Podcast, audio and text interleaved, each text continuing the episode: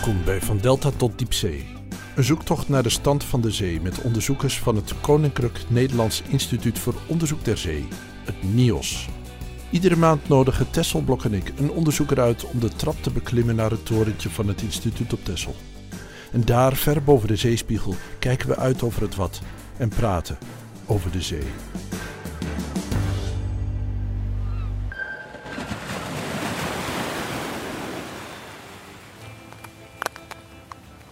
Een wandeling langs de vloedlijn. U kent dit geluid. Schelpen onder je schoenzolen, krakend kalk. De zee waar die schelpen hun huizen bouwen, verzuurt. En dat komt doordat het oceaanwater CO2 opneemt. En CO2, u weet, daar komt alleen maar meer van. Kalk lost op in zuur. Schelpen dus ook. Komt er een dag dat dit geluid tot het verleden zal behoren? Dat de zee te zuur is voor schelpen om hun huizen te bouwen? Lennart de Nooier weet het antwoord op die vraag. Hij is opgeleid in de biologie, maar gepromoveerd bij de geologen. En hij doet op het NIOS onderzoek naar de eigenaardige verhouding tussen kalk en CO2, vooral in piepkleine zeebeestjes. Eencellige die in de zee kalkhuisjes bouwen om in te wonen. Lennart beklimt het torentje, blikt uit het raam over zee en zegt wat hij ziet als hij met zijn kennis over het Marsdiep blikt. Het klinkt misschien wat gek, maar ik probeer, als ik naar de zee kijk, ehm, probeer ik te zien als een, als een eh, verzameling van, van blokken met pijlen ertussen. Waar energie van, van links naar rechts gaat, van onder naar boven. Dus ik probeer theoretisch ook naar, en algemeen naar eh, de natuur te kijken, of naar de oceaan. Dus je, je, je reduceert het tot natuurkundige grootheden eigenlijk? Zoiets, ja. In ieder geval een schema met, met pijlen en blokken. Dat is heel belangrijk. Waar zou jij een pijl zetten en waar een blok? Nou, ik zie bijvoorbeeld een, eh, een blok is eh, de lucht die erboven zit.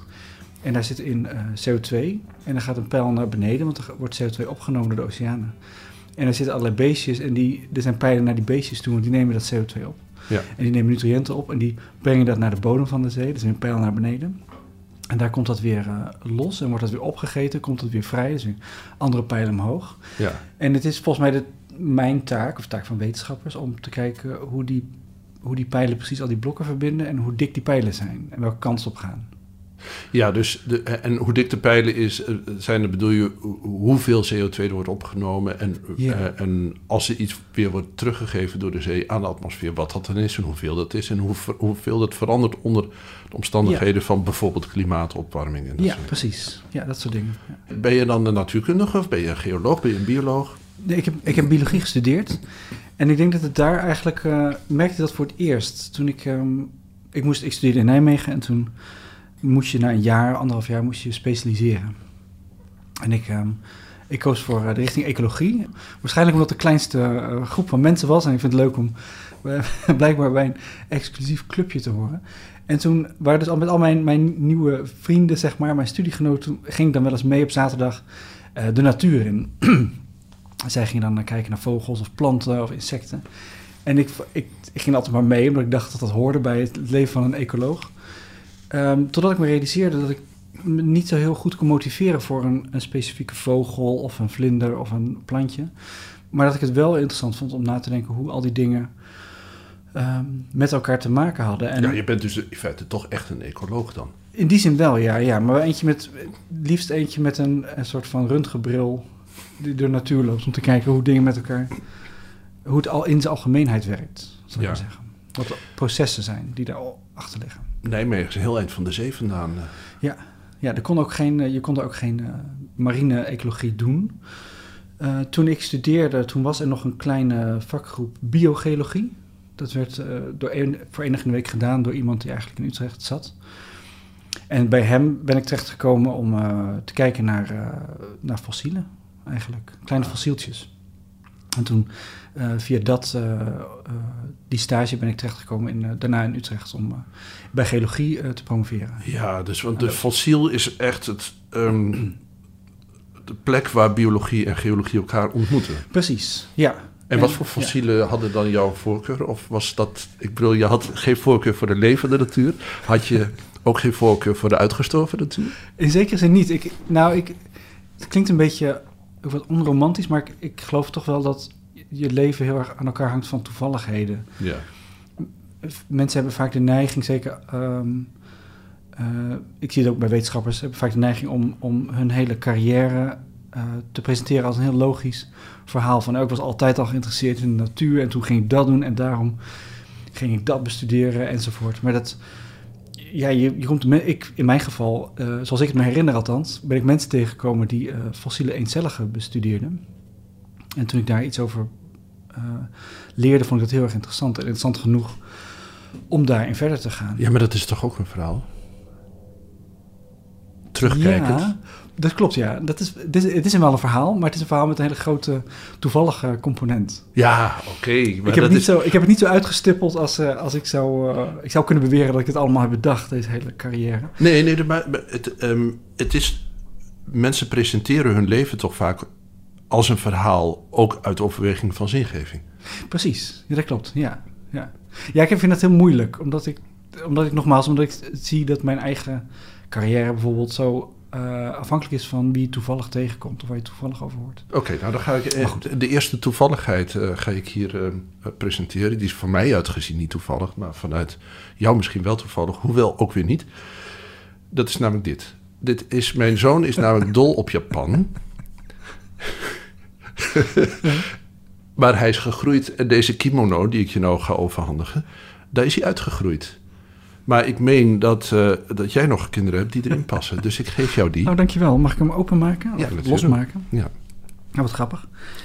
Ja, hij is voor de, voor de luisteraars donkerblauw. Met, met witte en goudkleurige ehm, karakters, Chinese karakters. Chinese karakter. Ja, ik zou ze kunnen... Ja, in, in Japan worden... Oh Ja. Verdraaid, het is een Chinees.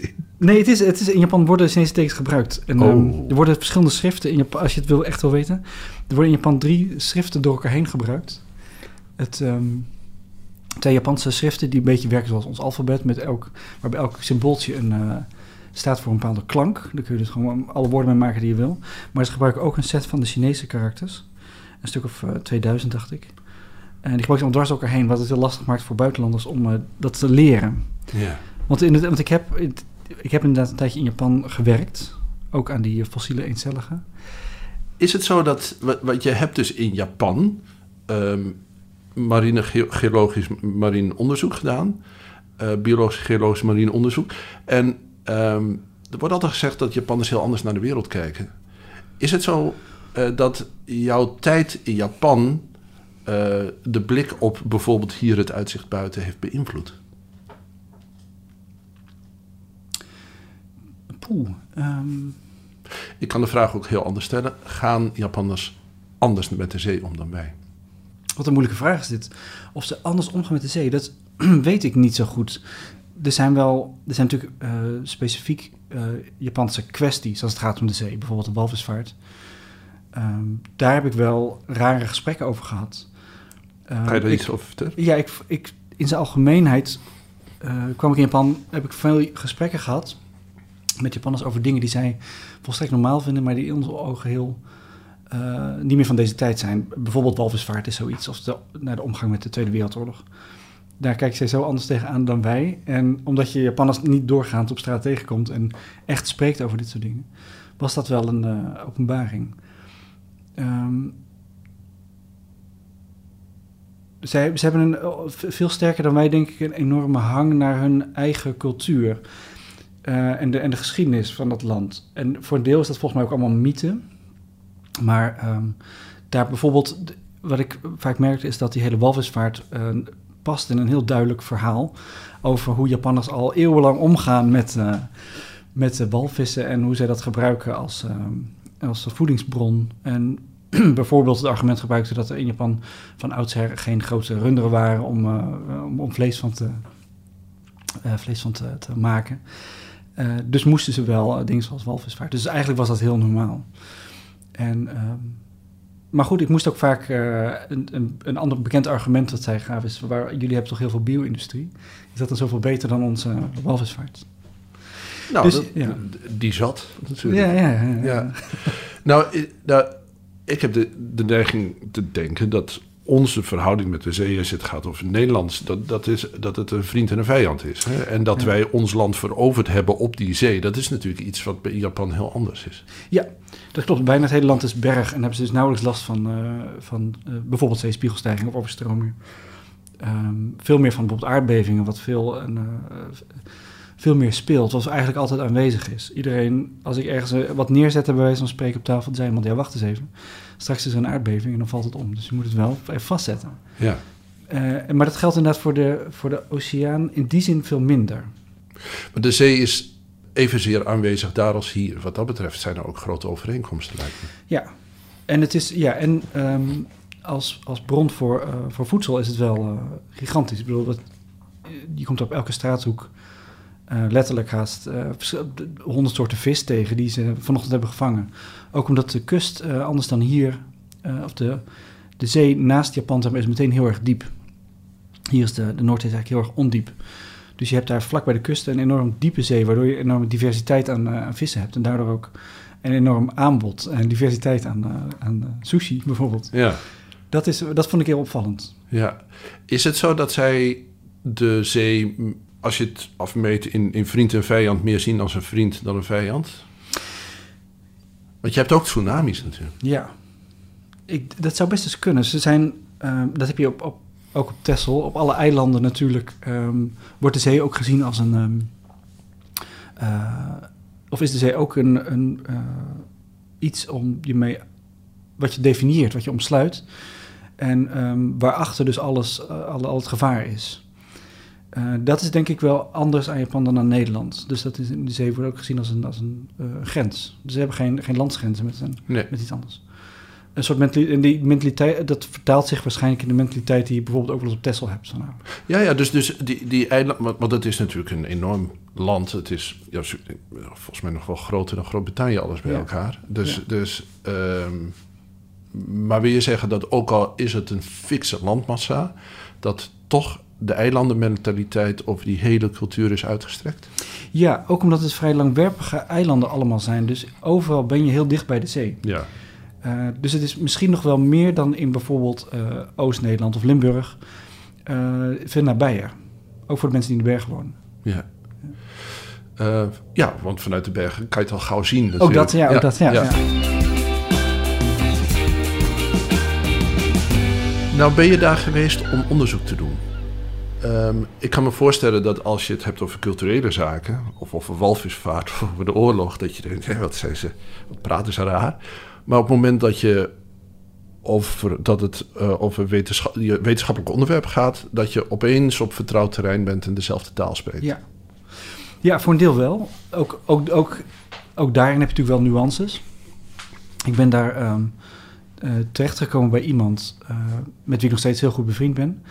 En hij is een van de weinige mensen eh, in de wetenschap die precies eh, begrijpt wat ik bedoel. En andersom, als hij als we op een congres zitten en hij zit aan de andere kant van de zaal en stelt een vraag in een soort heel raar Engels wat niemand verder begrijpt, dan heb ik altijd het idee in ieder geval dat ik precies begrijp wat hij bedoelt en waarom hij die vraag stelt. Dus ik ben iemand tegengekomen met wie het zo klikte en we hebben ook eh, sindsdien zoveel samen gedaan. We werken nog steeds heel veel samen. Ehm, dat is heel erg bijzonder natuurlijk, dat je ondanks de grote culturele en, en taalkundige verschillen, Ja. eh, ook een beetje verschillende leeftijd, toch elkaar heel erg kan vinden in, eh in Want hij of zij is ouder dan jij? Hij is eh, ja, een jaartje of tien ouder, denk ik. Ja.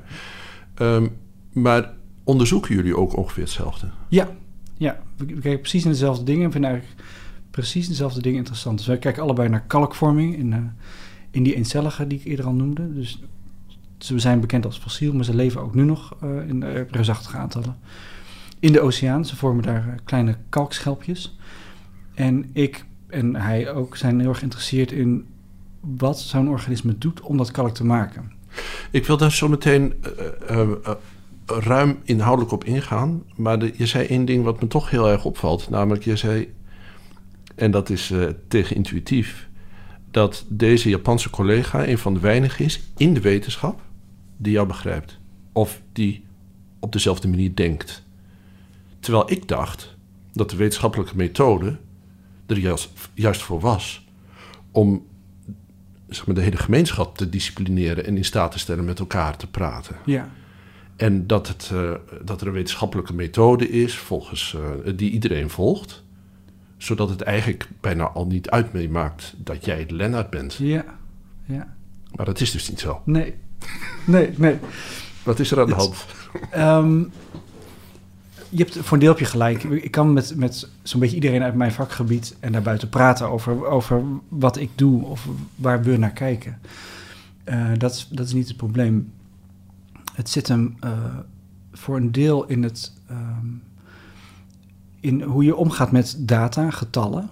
Ehm, voor veel wetenschappers is het belangrijk dat je zo goed mogelijk dingen meet en die zo precies mogelijk presenteert.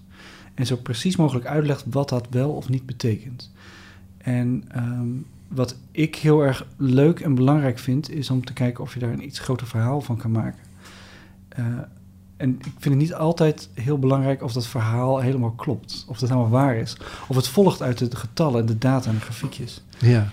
Ook als een verhaal misschien niet helemaal waar is, is dat vaak wel de inspiratie om te gaan onderzoeken hoe het dan wel zit. Dus zo'n Engelse uitspraak: Never let the truth get in the way of a good story. Ja, ja, precies.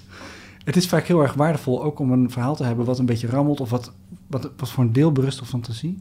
Omdat je pas vanaf dat moment eigenlijk kan gaan onderzoeken hoe het dan wel zou zitten.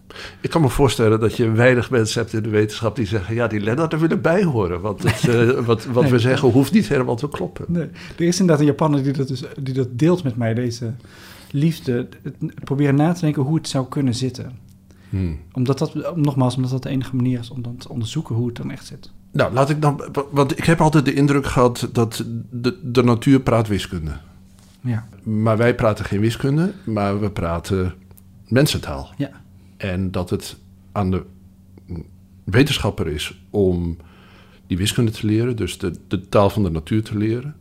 Maar dat er ook een volgende stap is. Namelijk dat op het moment dat de natuur jou iets in wiskunde meedeelt, dat je ook in staat bent om dat te- dan weer terug te vertalen ja, naar eh gewoon mensentaal. ja. Is dit waar we het over hebben? Ja, ik geef zelf vaak het voorbeeld van, ehm, van Darwin. Dat is een, een van de bekendste, een van de grootste wetenschappers uh, aller tijden. Uh, terwijl hij zelf nauwelijks een experiment heeft gedaan of iets heeft opgemeten of een, uh, een grafiekje heeft geproduceerd. Wel in zijn later leven trouwens, maar niet uh, totdat hij zijn beroemde werk schreef over de evolutietheorie. Hij was eigenlijk iemand die alleen maar, tussen aanhalingstekens, alleen maar observaties van andere mensen samenbracht en daar een coherent patroon in zag. Zo je wil, een verhaal in zag. En um, dat is iets wat ik vaak mensen voorhoud als het gaat over uh, waar wetenschap over gaat. Volgens mij is dat net zo belangrijk. Uh, ja. Dan het heel precies kunnen meten van de chemische samenstelling van X of Y.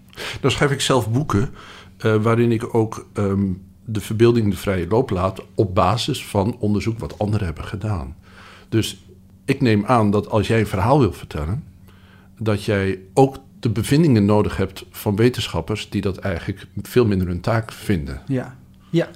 in die zin, ja, ik, eigenlijk werk ik ook best wel graag samen met mensen die dat dus heel erg goed uh, kunnen. Heel precies, heel kritisch kunnen kijken naar, uh, naar getallen. Iets wat ik zelf iets minder uh, gevoel voor heb, denk ik. En, maar dat is, en het gevaar, het gevaar inderdaad bestaat is dat je in een soort van fantasiewereld terecht raakt. Dus ik vind het heel fijn om met mensen samen te werken die, uh, die, die uh, voortdurend kritisch zijn. Op ja, alles oké. wat ik zeg. Dus je hebt een experimenteel wetenschapper die komt met uh, resultaten. Um, er is een heel legertje van die experimenteel ja. wetenschappers. Jij harkt dat samen, je maakt er een verhaal van. En die experimenteel wetenschappers die kunnen weer een tijd aan het werk. Ja, zoiets. Ja, of je, je moet, samen moet je nou een goede balans vinden. Van hé, hey, dit is, dit gaat, dit is uh, iets wat wel volgt uit de data en dat niet. Nou, dat, die twee uh, dingen moeten een beetje in balans zijn met elkaar. Nou wil ik terug naar um, wat jij, wat ik wil je ertoe verleiden om een verhaal te vertellen. Uh, je, ik vroeg, kijk eens uit het raam en wat zie je? Dus, het waren gelijk blokken en pijlen. Ja. Dat vond ik nou niet zo erg zo'n narratief opwindend, uh, Lennart. Maar um, nou, wat in deze tijd horen we regelmatig dat de oceaan CO2 opneemt. En ja. dat we te veel CO2 in de atmosfeer pompen. Hoezo neemt de oceaan CO2 op? Kan je dat vertellen als verhaal? Ja. Iedereen weet wel dat er CO2 in de lucht zit. En er zit steeds meer CO2 in de lucht omdat wij uh, olie en kolen verbranden. En de hoeveelheid CO2 in de lucht, die is in evenwicht met de hoeveelheid CO2 die in water zit. Eh, als je meer in de lucht stopt, dan lost er ook meer op in, in water. Als- Als er heel veel in water zou zitten, zou er ook meer de lucht in komen, omdat die dingen met elkaar in evenwicht zijn. Als je een fles eh Spa rood openmaakt, dan ontsnapt de CO2 eruit, omdat er in, dat, in, die, in die fles zit er veel meer CO2 opgelost dan in de, in de lucht daarboven. Zodra je de fles open doet, eh, komt die CO2 eruit. Nou, in de natuur gebeurt precies het omgekeerde. Dus een fles spa is er gewoon één groot afgesloten verlangen naar evenwicht. Juist, ja. ja. Ja. Ja. en co- cola ook trouwens. Cola. Ja. Al die dingen. Dus als je de dop eraf doet en je psh, dat is dat verlangen naar evenwicht, Precies. naar het herstellen van een, Ja. een, een maat van evenwicht. Ja. En in het begin gaat dat heel snel, omdat het verschil nog groot is Mhm. tussen, het, tussen de spaarrood en de lucht.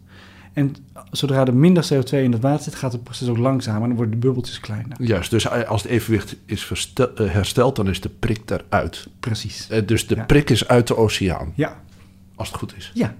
Inderdaad. En sterker nog, er komt eigenlijk steeds meer prik bij. Omdat er, wat wij dus doen, wij verbranden dus heel veel CO2. Eh, we doen het eigenlijk omgekeerd als met die spaarrood. Wij verbranden heel veel, eh, sorry, wij verbranden heel veel olie en kolen. Maar er komt er veel CO2 in de lucht en dat lost langzaam op in de oceanen. Hm. De oceanen nemen eigenlijk heel veel van het CO2 op wat wij uitstoten. Maar waar laten ze dat dan? Nou, dat blijft in de oceanen, maar dat ehm, CO2-moleculen eh, reageren met water. En dat wordt carbonzuur. En het woord zegt het al, dat is zuur. Dat carbonzuur is een molecuul dat niet zo stabiel is en uit elkaar valt. En eh, dat zorgt voor H+. H+, is een zuur. En dat maakt dus dat onze oceanen langzaam zuurder worden. Als er Een meer- waterstof, eh Ionen. atoom, Ja, ionen. ja, precies. Dus hoe meer CO2 in water stopt, hoe zuurder het wordt. Als je de pH zou meten van je fles Spa rood, dan zou je ook zien dat het heel erg zuur is. Hmm. Net zoals cola. Dat is ook de, de reden waarom je tanden er bijvoorbeeld van oplossen. Eh, van dat soort- Eh, net zoals van eh, andere zure dingen. Fruit, met name. Ja. Het is heel, eigenlijk heel slecht voor je tanden. Ja. Maar dat, eh, ehm, dus dat maakt dat die, die CO2 die blijft wel in de oceanen zitten, maar de consequentie daarvan is dat het langzaam verzuurt. En dat is een proces dat noemen we oceaanverzuring. En over het algemeen is dat heel erg slecht voor kalkvorming, voor organismen die schaaltjes en skeletten maken. Als bij mij in de, de badkamer eh, veel eh, kalkaanslag is, dan ga je er Juist. met een fles azijn overheen en dan Precies. lost de kalk op. Precies, dat is, ja. Precies deze eh, observatie is de reden dat iedereen denkt, voor een deel terecht, dat een zuurdere oceaan zorgt voor oplossing voor kalk. Of het in ieder geval moeilijker maakt voor nieuw kalk om te vormen. Door al die schelpjes, door al die eh, koralen. Ja, je moet even de aanwezigheid van kalk in de oceaan eh, even voor ons verhalen. Ja, nee, dus, dat, ehm, dus er zijn ontzettend veel organismen die, die eh, schaaltjes en skeletten maken van, kal van kalk. Kalk is calciumcarbonaat. En ehm, hoe, hoe meer calcium en hoe meer carbonaat er in zeewater zit, hoe makkelijker het is om een skelet of een schaal te maken. Een schelp bijvoorbeeld. Ja, een schelp van een eh, Of- kokkel of zo. Of, eh, kan je nog andere voorbeelden geven? Eh, oesters. Ehm, even denken hoor. Maar ook van beesten. slakken. Slakken. Ja, slakken. De meeste dingen zoals, hoe heet het? Kreeft en zo, die maken geen kalk. Oh, Ehm, maar koralen bijvoorbeeld wel. oh. En er zijn heel veel eencelligen waar ik dus zelf onderzoek naar doe. Er zijn allerlei wormpjes die kokertjes maken, kokerwormen, die maken kokers van, van, van kalk, van calciumcarbonaat. Dat is in feite dus het eh, bouwstof, het soort cement van de oceaan. Ja, dat zou je kunnen zeggen, ja. Ah, ja. Je kunt er ook, eh, als je dat dus op, eh, ik, ik ben eigenlijk, of ik, ik heb onderzoek gedaan op geologische schalen. Als je heel veel eh eencelligen hebt, waar ik zelf onderzoek naar doe, die, ehm, die dat kalk maken en die in de waterlaag leven en na hun leven afsterven, naar de bodem zinken, kunnen ze daar op in de loop van de honderden, duizenden of miljoenen jaren dikke pakken met steen vormen. Die bestaan uit, grotendeels uit kalk, dat noemen we kalksteen. De Ja. meeste kalkstenen die, eh, die je vindt, die bestaan eigenlijk uit de, uit de fossielen, samengepakte fossielen van eencelligen die kalk maken. Dus de Cliffs of Dover, zeg. Bijvoorbeeld, dat zijn allemaal fossiele eencelligen Ah, ja. die kalk maken. De, de piramides van, eh, van Cheops en Gizeh zijn, bestaan eigenlijk uit fossiele eencelligen. Ah, juist. Oh, Maar dus is eh, stukjes zee dus eigenlijk. Ja, Ah, ja. ja, dus je kunt er, ja, je kunt er, eh, dat zijn de eencelligen waar je dus eh, piramides mee kunt bouwen. Wat grappig. want de- Dus de, de, de doden in Egypte hebben zichzelf ook gehuld in hetzelfde materiaal als waar... Precies, ja, eh, ja, en dat is allemaal kalk. ja, ja. En de vraag is of, of, dat, of die kalkvorming, of dat maken van die schelpjes in de toekomst met een zuurder wordende oceaan makkelijker of moeilijker wordt. Ja, want, het, want als de oceaan, om, het, om, het heel, e- om de angst heel erg concreet te maken, als de oceaan zo zuur wordt dat die, eh, dat die schelpen oplossen, dan, ja, dan heb je dus een toekomst waar je nooit meer krakend langs de vloedlijn loopt. Nee, dat, zou, dat, zou, dat klopt, ja. En is dat een gerechtvaardigde angst? Ja, maar niet eentje die wij mee gaan maken. Dus het gaat niet zo hard dat wij over tien jaar dat gaan zien. Het hangt een beetje af van de plek op aarde waar je bent. In, in koud water is dit proces wat eerder aan de hand dan in warm water. Dus in, eh, eh, rondom eh, Canada en, ehm, en Rusland bijvoorbeeld zie je dit soort dingen al wel gebeuren. Dus de opname van CO2 gaat daar net zo hard als hier. Alleen het effect in koud water is wat groter dan in warm water. Vandaar dat je dus het oplossen van bepaalde schelpjes daar al wel ziet, maar hier nog niet.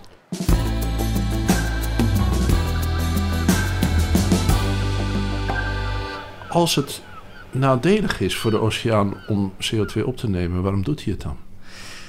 Dat is, dat, is, heel- dat is pure chemie. Dat is hele simpele chemie, net zoals die bellen uit die... eh, uit die ehm, Oké, maar laat ik het dan anders zeggen. Als dat een gegeven is dat er altijd al is Ja. geweest voor een natuurwet, hoe kan het dan dat daar beesten zijn ontstaan? Of, eh, laten we zeggen, er Ja. moet toch ook een voordeel Ja. aan zijn? Dat is waar mijn onderzoek specifiek om draait, is, is deze vraag. Ehm, en ik doe onderzoek aan die eencelligen omdat, ik, omdat er aanwijzingen zijn dat zij het misschien wat beter doen in een zuurder milieu. Eh, ik zei net hè, dat die schaaltjes bestaan uit calcium en carbonaat.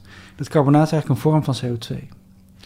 En eh, hoewel de oceanen zuurder worden met een toename van CO2 wat erin opgelost raakt, zijn er ook iets meer bouwstenen voor dat kalk. Dat CO2 dat wordt omgezet in carbonaat en die H+, die, eh, die extra protonen die het water zuurder maken. Maar er zijn ook iets meer bouwstenen voor Ja. het maken van die kalkschaaltjes. En wij denken, door ons onderzoek, denken ik en, en collega's hier op het NIOS... En, en in Japan bijvoorbeeld en in Duitsland... denken we dat zij in staat zijn om ondanks dat zuurdere milieu... toch gebruik te maken van die extra bouwstenen... en wel degelijk gewoon hun kalk kunnen blijven produceren. Het gekke is dat die White Cliffs of Dover die je net noemde... ontstaan zijn in een periode eh, waarin er heel veel CO2 in de lucht zat. En voor biologen is het altijd wat moeilijk te verklaren dat je in een wereld met heel veel CO2 toch een enorme productie hebt van kalk. Maar geologen weten al heel lang dat juist in periodes met heel veel CO2 in de lucht je dit soort eh, kliffen, dit soort gesteentes eh, vormt. Maar de- nu raak ik in verwarring. Ja, Want je vertelt twee verhalen tegelijkertijd die elkaar tegenspreken. precies. Dus eh, de, de schelpen, je noemt de oesters of de kokerwormen of de koralen, die hebben er. eh, voor hen is het een bedreiging. Ja, Maar er is een ander soort organismen en dat zijn eencelligen die kleine schaaltjes maken van kalk, ja. die er weer, nou, ehm, of ze er wel bij varen, maar ze kunnen er goed tegen. ja, precies. Het lijkt alsof ze er goed tegen kunnen. En of dat... Ja, en om het... En ik wil je niet, niet vervelend doen, maar om het nog moeilijker te maken... zijn er ook nog eens verschillende soorten eencelligen, ook binnen die groep die ik bestudeer. Het zijn honderden, duizenden soorten. En het, het lijkt erop alsof niet, of ze niet allemaal precies op dezelfde manier reageren op CO2. Waar het uiteindelijk waar het allemaal om draait, is hoe al die organismen. Ik, ik probeer, als ik het uit moet leggen aan studenten bijvoorbeeld, dan heb ik het altijd over dat het een probleem is van logistiek. Je moet een schaaltje bouwen en daarvoor heb je nodig calcium en carbonaat. en dat moet je in een bepaalde tijd, in een bepaalde ruimte zien te krijgen. Dat is het enige wat jij hoeft te doen. En het lijkt erop alsof verschillende organismen daar verschillende trucjes voor hebben, verschillende strategieën ervoor hebben om dat calcium en dat carbonaat te verzamelen en dat bij elkaar te stoppen. En de manier waarop ze dat doen bepaalt waarschijnlijk hoe makkelijk of hoe moeilijk zij omgaan met verzuring. En dat eh, het feit dat er verschillende strategieën bestaan om het maken van het kalk verklaart waarom verschillende organismen verschillend reageren, nu of in de nabije toekomst, op die toenemende oceaanverzuring. Want elk organisme heeft in feite een optimum voor zijn eigen. Ja, dat, daar lijkt het wel op, ja. Ja, de een zijn dood is de ander zijn brood. ja. Ja. En wat het extra lastig maakt, zo- als je dit wil bestuderen in de natuur, is dat we eh, tegelijkertijd met die verzuring ook te maken hebben met opwarming, eh, vaak met toename van vervuiling. Je kunt die effecten van eh, opwarming, van verzuring, kun je moeilijk van elkaar scheiden. En daarvoor moet je dus experiment- experimenten doen in een laboratorium waarin je die effecten los van elkaar bestudeerd. Ja, want je hebt niet alleen eh, verzuring en je hebt opwarming van de aarde, maar je hebt ook eh, het lozen van afvalstoffen in Ja, de zee. precies. En dan kom ik Ja. bij een, eh, een project waar Ja. je net hebt binnengesleept in de Cariben. Ja. Want daar doe je onderzoek aan ehm, koraal. Ja. Wat ga je doen? Koralen zijn ook, die bestaan ook uit kalk, grotendeels. Ja. En die hebben ook last van verzuring, maar ook van opwarming en van vervuiling. Eh, rondom bijvoorbeeld Bonaire is er nog relatief veel mooi koraal. Er zijn van weinige plekken in de Cariben waar eh koraalrif eigenlijk nog heel aardig eruit ziet. Dat niet verbleekt is of zo. Nee, nauwelijks. Dat, dat- die verbleking komt er ook wel voor, maar dat is vaak alleen in de zomer. Dat je even een periode hebt van verbleking en later komt, Hm. komen die algen weer terug en, en groeit het koraal verder. Dus ons koraal doet het redelijk goed. Relatief goed. En we weten eigenlijk niet zo goed waarom. Eh, dit geldt niet voor de, de alle Nederlandse Cariben hoor. En, eh, rondom Curaçao is bijvoorbeeld veel slechter aan toe. Eh, er is op het Niels is redelijk goed in kaart gebracht in de afgelopen 40 jaar hoe het koraalrif rondom Curaçao ervoor stond. En dan zie je dat de afgelopen 40 jaar dat heel langzaam is verdwenen. Eh dus op heel veel plekken is, er- staat er geen koraalrif meer, maar is dat overgenomen door sponsen en algen. Ehm, en nogmaals, we weten eigenlijk niet zo heel... weten ongeveer waar het aan ligt. Aan vervuiling, aan opwarming, dat soort dingen. Maar er zijn rare lokale verschillen die we niet goed kunnen verklaren. En dit project waarvoor we geld hebben gekregen gaat daarnaar kijken. We willen kijken niet alleen op een biologische manier naar hoe die koralen groeien... maar we willen ook kijken naar wat er van land in zee terechtkomt... als er eh, eh, door, door regenval sedimenten en afvalstoffen in de, in de kust terechtkomen... En willen we weten waar het naartoe gaat, hoe lang het daar rond blijft zweven en wat voor effect dat heeft op het bodemleven, en met name koraalrif. En dit, dit grote onderzoeksvoorstel brengt eigenlijk ehm, eh, dus biologen eh, eh, samen met mensen die kijken naar de chemie van zeewater, naar de fysische processen die zorgen voor menging van water en stoffen in, in de kusten van, van Curaçao en Sint-Eustatius. Eh, samen met mensen die kijken wat op land gebeurt. En waarom, heb je, wa- waarom eh, is dit gelukt? Wat, eh, wat zag de geld schieten erin? Ik denk dat we hebben duidelijk gemaakt dat we niet alleen onderzoek willen doen naar die koralen, maar we willen het doen in samenhang met onderwijsprogramma's op Curaçao. We willen eigenlijk dat wat wij vinden, wetenschappelijk, direct een bijdrage levert aan het beleid op die eilanden. Dus we hebben het programma zo opgezet dat we niet alleen maar wetenschap doen, maar dat we het heel erg, eh, eh, hoe zeg je dat, verbinden met, eh, met beleid en met onderwijs, met outreach. De koralen zijn natuurlijk van levensbelang voor die eilanden. Precies. Ja, ze zijn niet alleen mooi en interessant voor toeristen, maar ze hebben ook een, een functie in bijvoorbeeld, hoe zeg je dat, kustbescherming. Ja. Dus ze zorgen voor het feit dat de golven niet vrij spel hebben. Eh, er, zijn, eh, er zijn heel veel vissen die daar eh, afhankelijk zijn van koraalriffen en dus voor de lokale economie. Eigenlijk zijn koraalriffen veel belangrijker voor al die eilanden dan mensen op die eilanden vaak zelf in de gaten hebben. En dat hebben we proberen duidelijk te maken in dit voorstel. Vandaar ook het onderdeel onderwijs. Ja, precies. Nou zei je iets heel grappigs. Je zei dit, die ehm, koralen, dat sponsen de plekken innemen van koralen. Als ik Ja. nou een koraal zie, dan zie ik iets heel hards. Als ik Ja. een spons zie, dan zie ik iets heel zachts. Ja. Eh, hoe zit dat? Ehm, ja, sponsen zijn over het algemeen zacht. Nou, er zijn ook hele harde sponsen trouwens. Er zijn ook sponsen die kalk maken. Die zijn wat, eh, wat, wat eh, zeldzamer. Maar de meeste sponsen die je daar aantreft zijn inderdaad zacht. We hebben zelf onderzoek gedaan. Ik kom zo bij je vraag hoor. Maar we hebben zelf onderzoek gedaan de afgelopen jaren naar een, eh, een soort spons die eh, koraal oplost. Dus er zijn organismen die kalk maken, zoals eh, die kalk maken, zoals koralen. En allerlei schelpen en die eencellige waar ik aan werk. Maar er zijn ook organismen die kalk kunnen oplossen. Met Die- zuur neem ik aan. Precies, die maken een, daar hebben we gevonden, die maken een zuur waarmee ze tunnels kunnen graven in bijvoorbeeld koraal, ehm, koraalskeletten. Dus die sponsen hebben veel, die dat doen, die hebben veel baat bij de aanwezigheid van waterstofionen. Precies, die doen het. Ja, en dat zie je dus ook in veel plekken gebeuren. Dat die het Kom maar op met die CO2. Dat die het beter, ja, dat die het beter doen naarmate je meer verzuring hebt. En ehm, wat zij dus doen is, ze graven tunnels in dat, in dat eh, koraalskelet. En ze op de een of andere manier voelen ze heel goed aan waar de randen zijn. Daar komen ze niet aan. En het kan dus zijn dat je een stuk koraal beet pakt als je aan het duiken bent. En dat dat helemaal uit elkaar valt, omdat dat volledig is overgenomen van binnen door een, door een spons. Die dat, Dus de spons die, die, die hecht zich aan een koraal en die injecteert zuur, Ja, ja. zodat er een, een grot ontstaat Ja. waar die in zitten. Precies. Ja, ja dat is een soort complex van tunnels waar ze dan in leven. En het wordt steeds groter. Totdat zo'n koraalskelet helemaal gevuld is met spons. Maar als dat iets is wat ze doen, en ze doen dat natuurlijk al miljoenen jaren lang, en er zijn toch nog koralen en er zijn sponsen, Ja. dat wil zeggen dat ze een soort van evenwicht hebben. Ja, ja. Wat over het, het, het alle, een, een heel simpel. Ik, soms moeilijk voor wetenschappers, maar ik ga het toch proberen om heel, heel simpel te, te, te formuleren. Sponsen en, en koralen die ehm, komen op een andere manier aan hun voedsel. Eh, sponsen filteren water. Ze nemen deeltjes op die daarin zweven. En over het algemeen doen zij het dus veel beter als het water vies is. Ja, Want er zijn er veel voedingsstoffen in. Eh, koralen, die hebben... eh, eh, die doen een fotosynthese. Of die hebben algen die aan fotosynthese doen. En die krijgen hun energie door zonlicht. En die zijn dus eigenlijk gebouwd bij heel schoon water. Dus je ziet vaak dat de, het soort omgeving bepaalt of daar veel koralen of veel sponsen zijn. Nou, door allerlei toenemende vervuiling en verwering eh, rondom eh, bijvoorbeeld Curaçao... zie je dat het water daar veel viezer en troebeler is geworden. En dus die koralen het slechter gaan doen. En dus de plek is overgenomen die, door organismen die dat water kunnen filteren... en zo aan hun voedsel komen. En dat zijn bijvoorbeeld sponsen.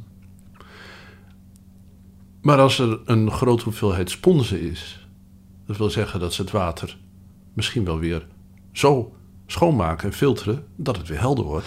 En Ja.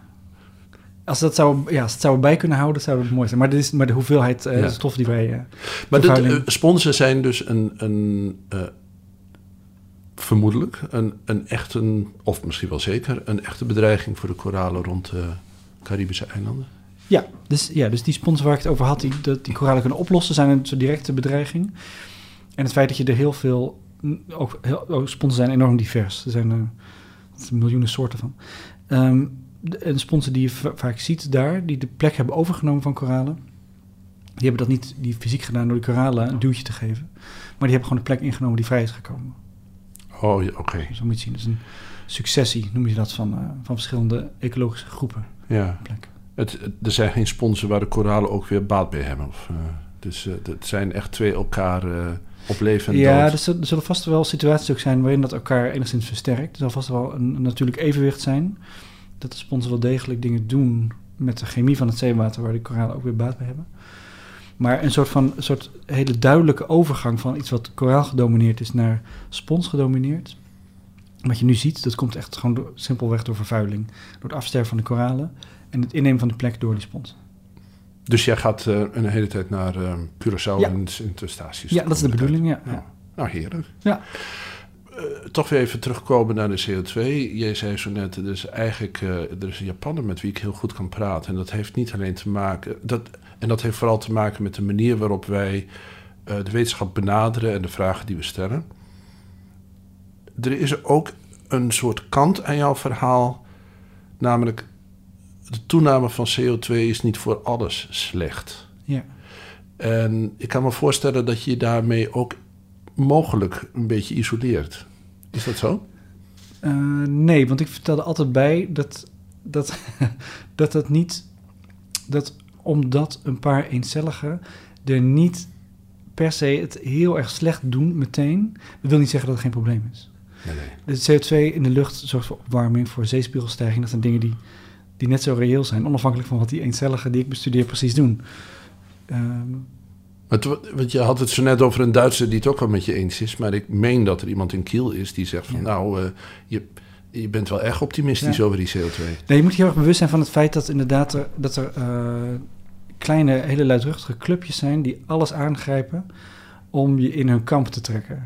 En helaas hebben die mensen eh, niet altijd in de gaten dat eh, wetenschap een, een, hoe zal ik het zeggen?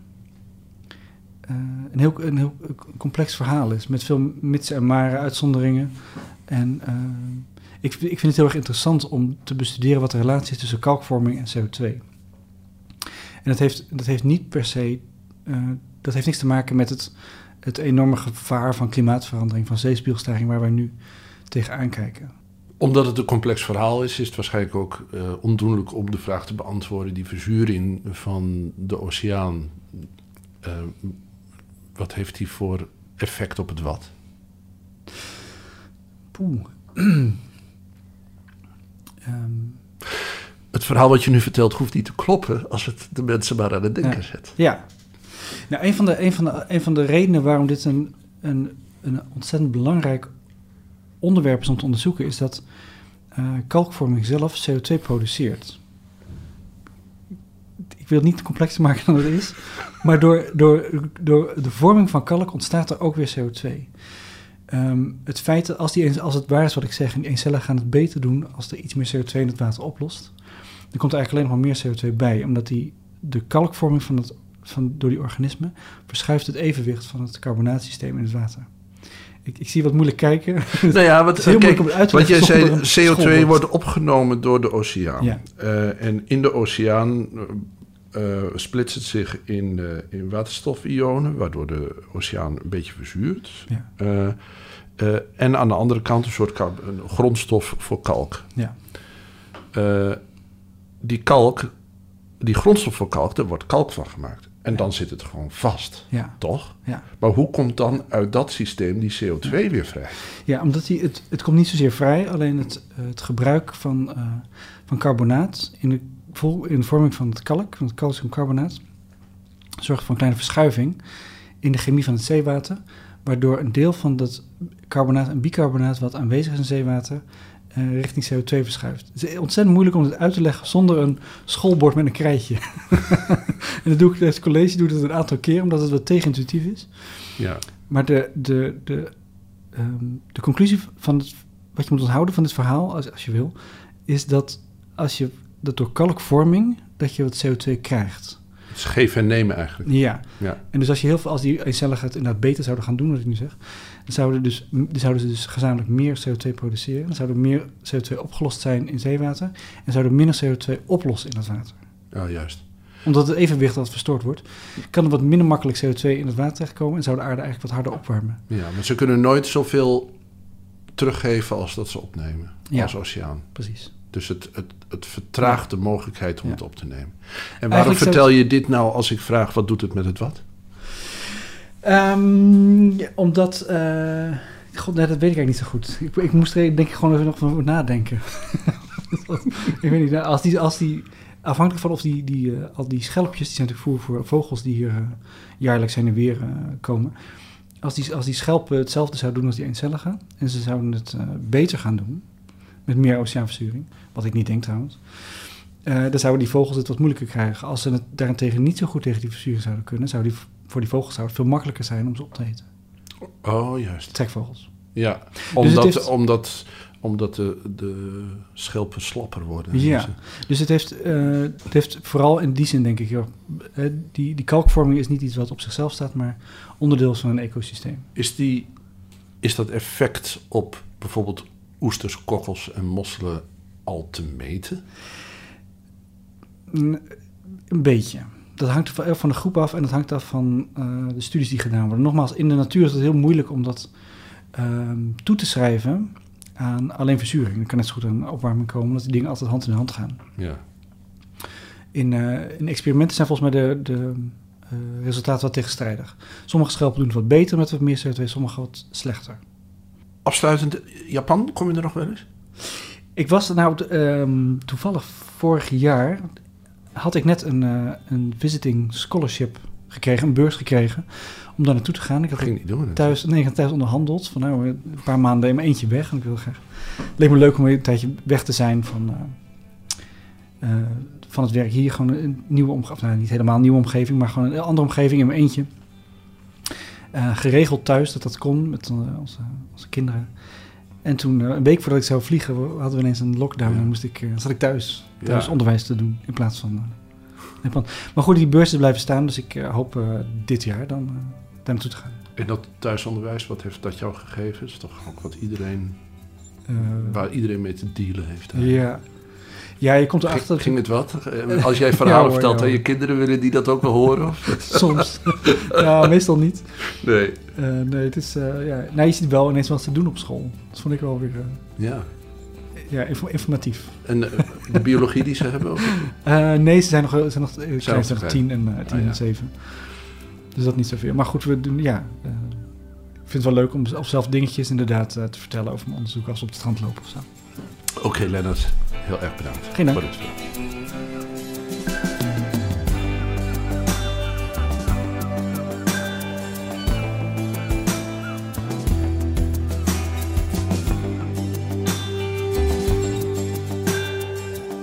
dit was Van Delta tot Diepzee. Gesprekken op Texel met onderzoekers van het NIOS, het Koninklijk Nederlands Instituut voor Onderzoek der Zee. Vandaag was dat marine-ecoloog Lennart de Nooijer in gesprek met Matthijs Deen. De muziek is gemaakt door Matthijs Duringhoff. Als u zich abonneert, ontvangt u iedere maand een nieuw gesprek met een zeeonderzoeker van het NIOS.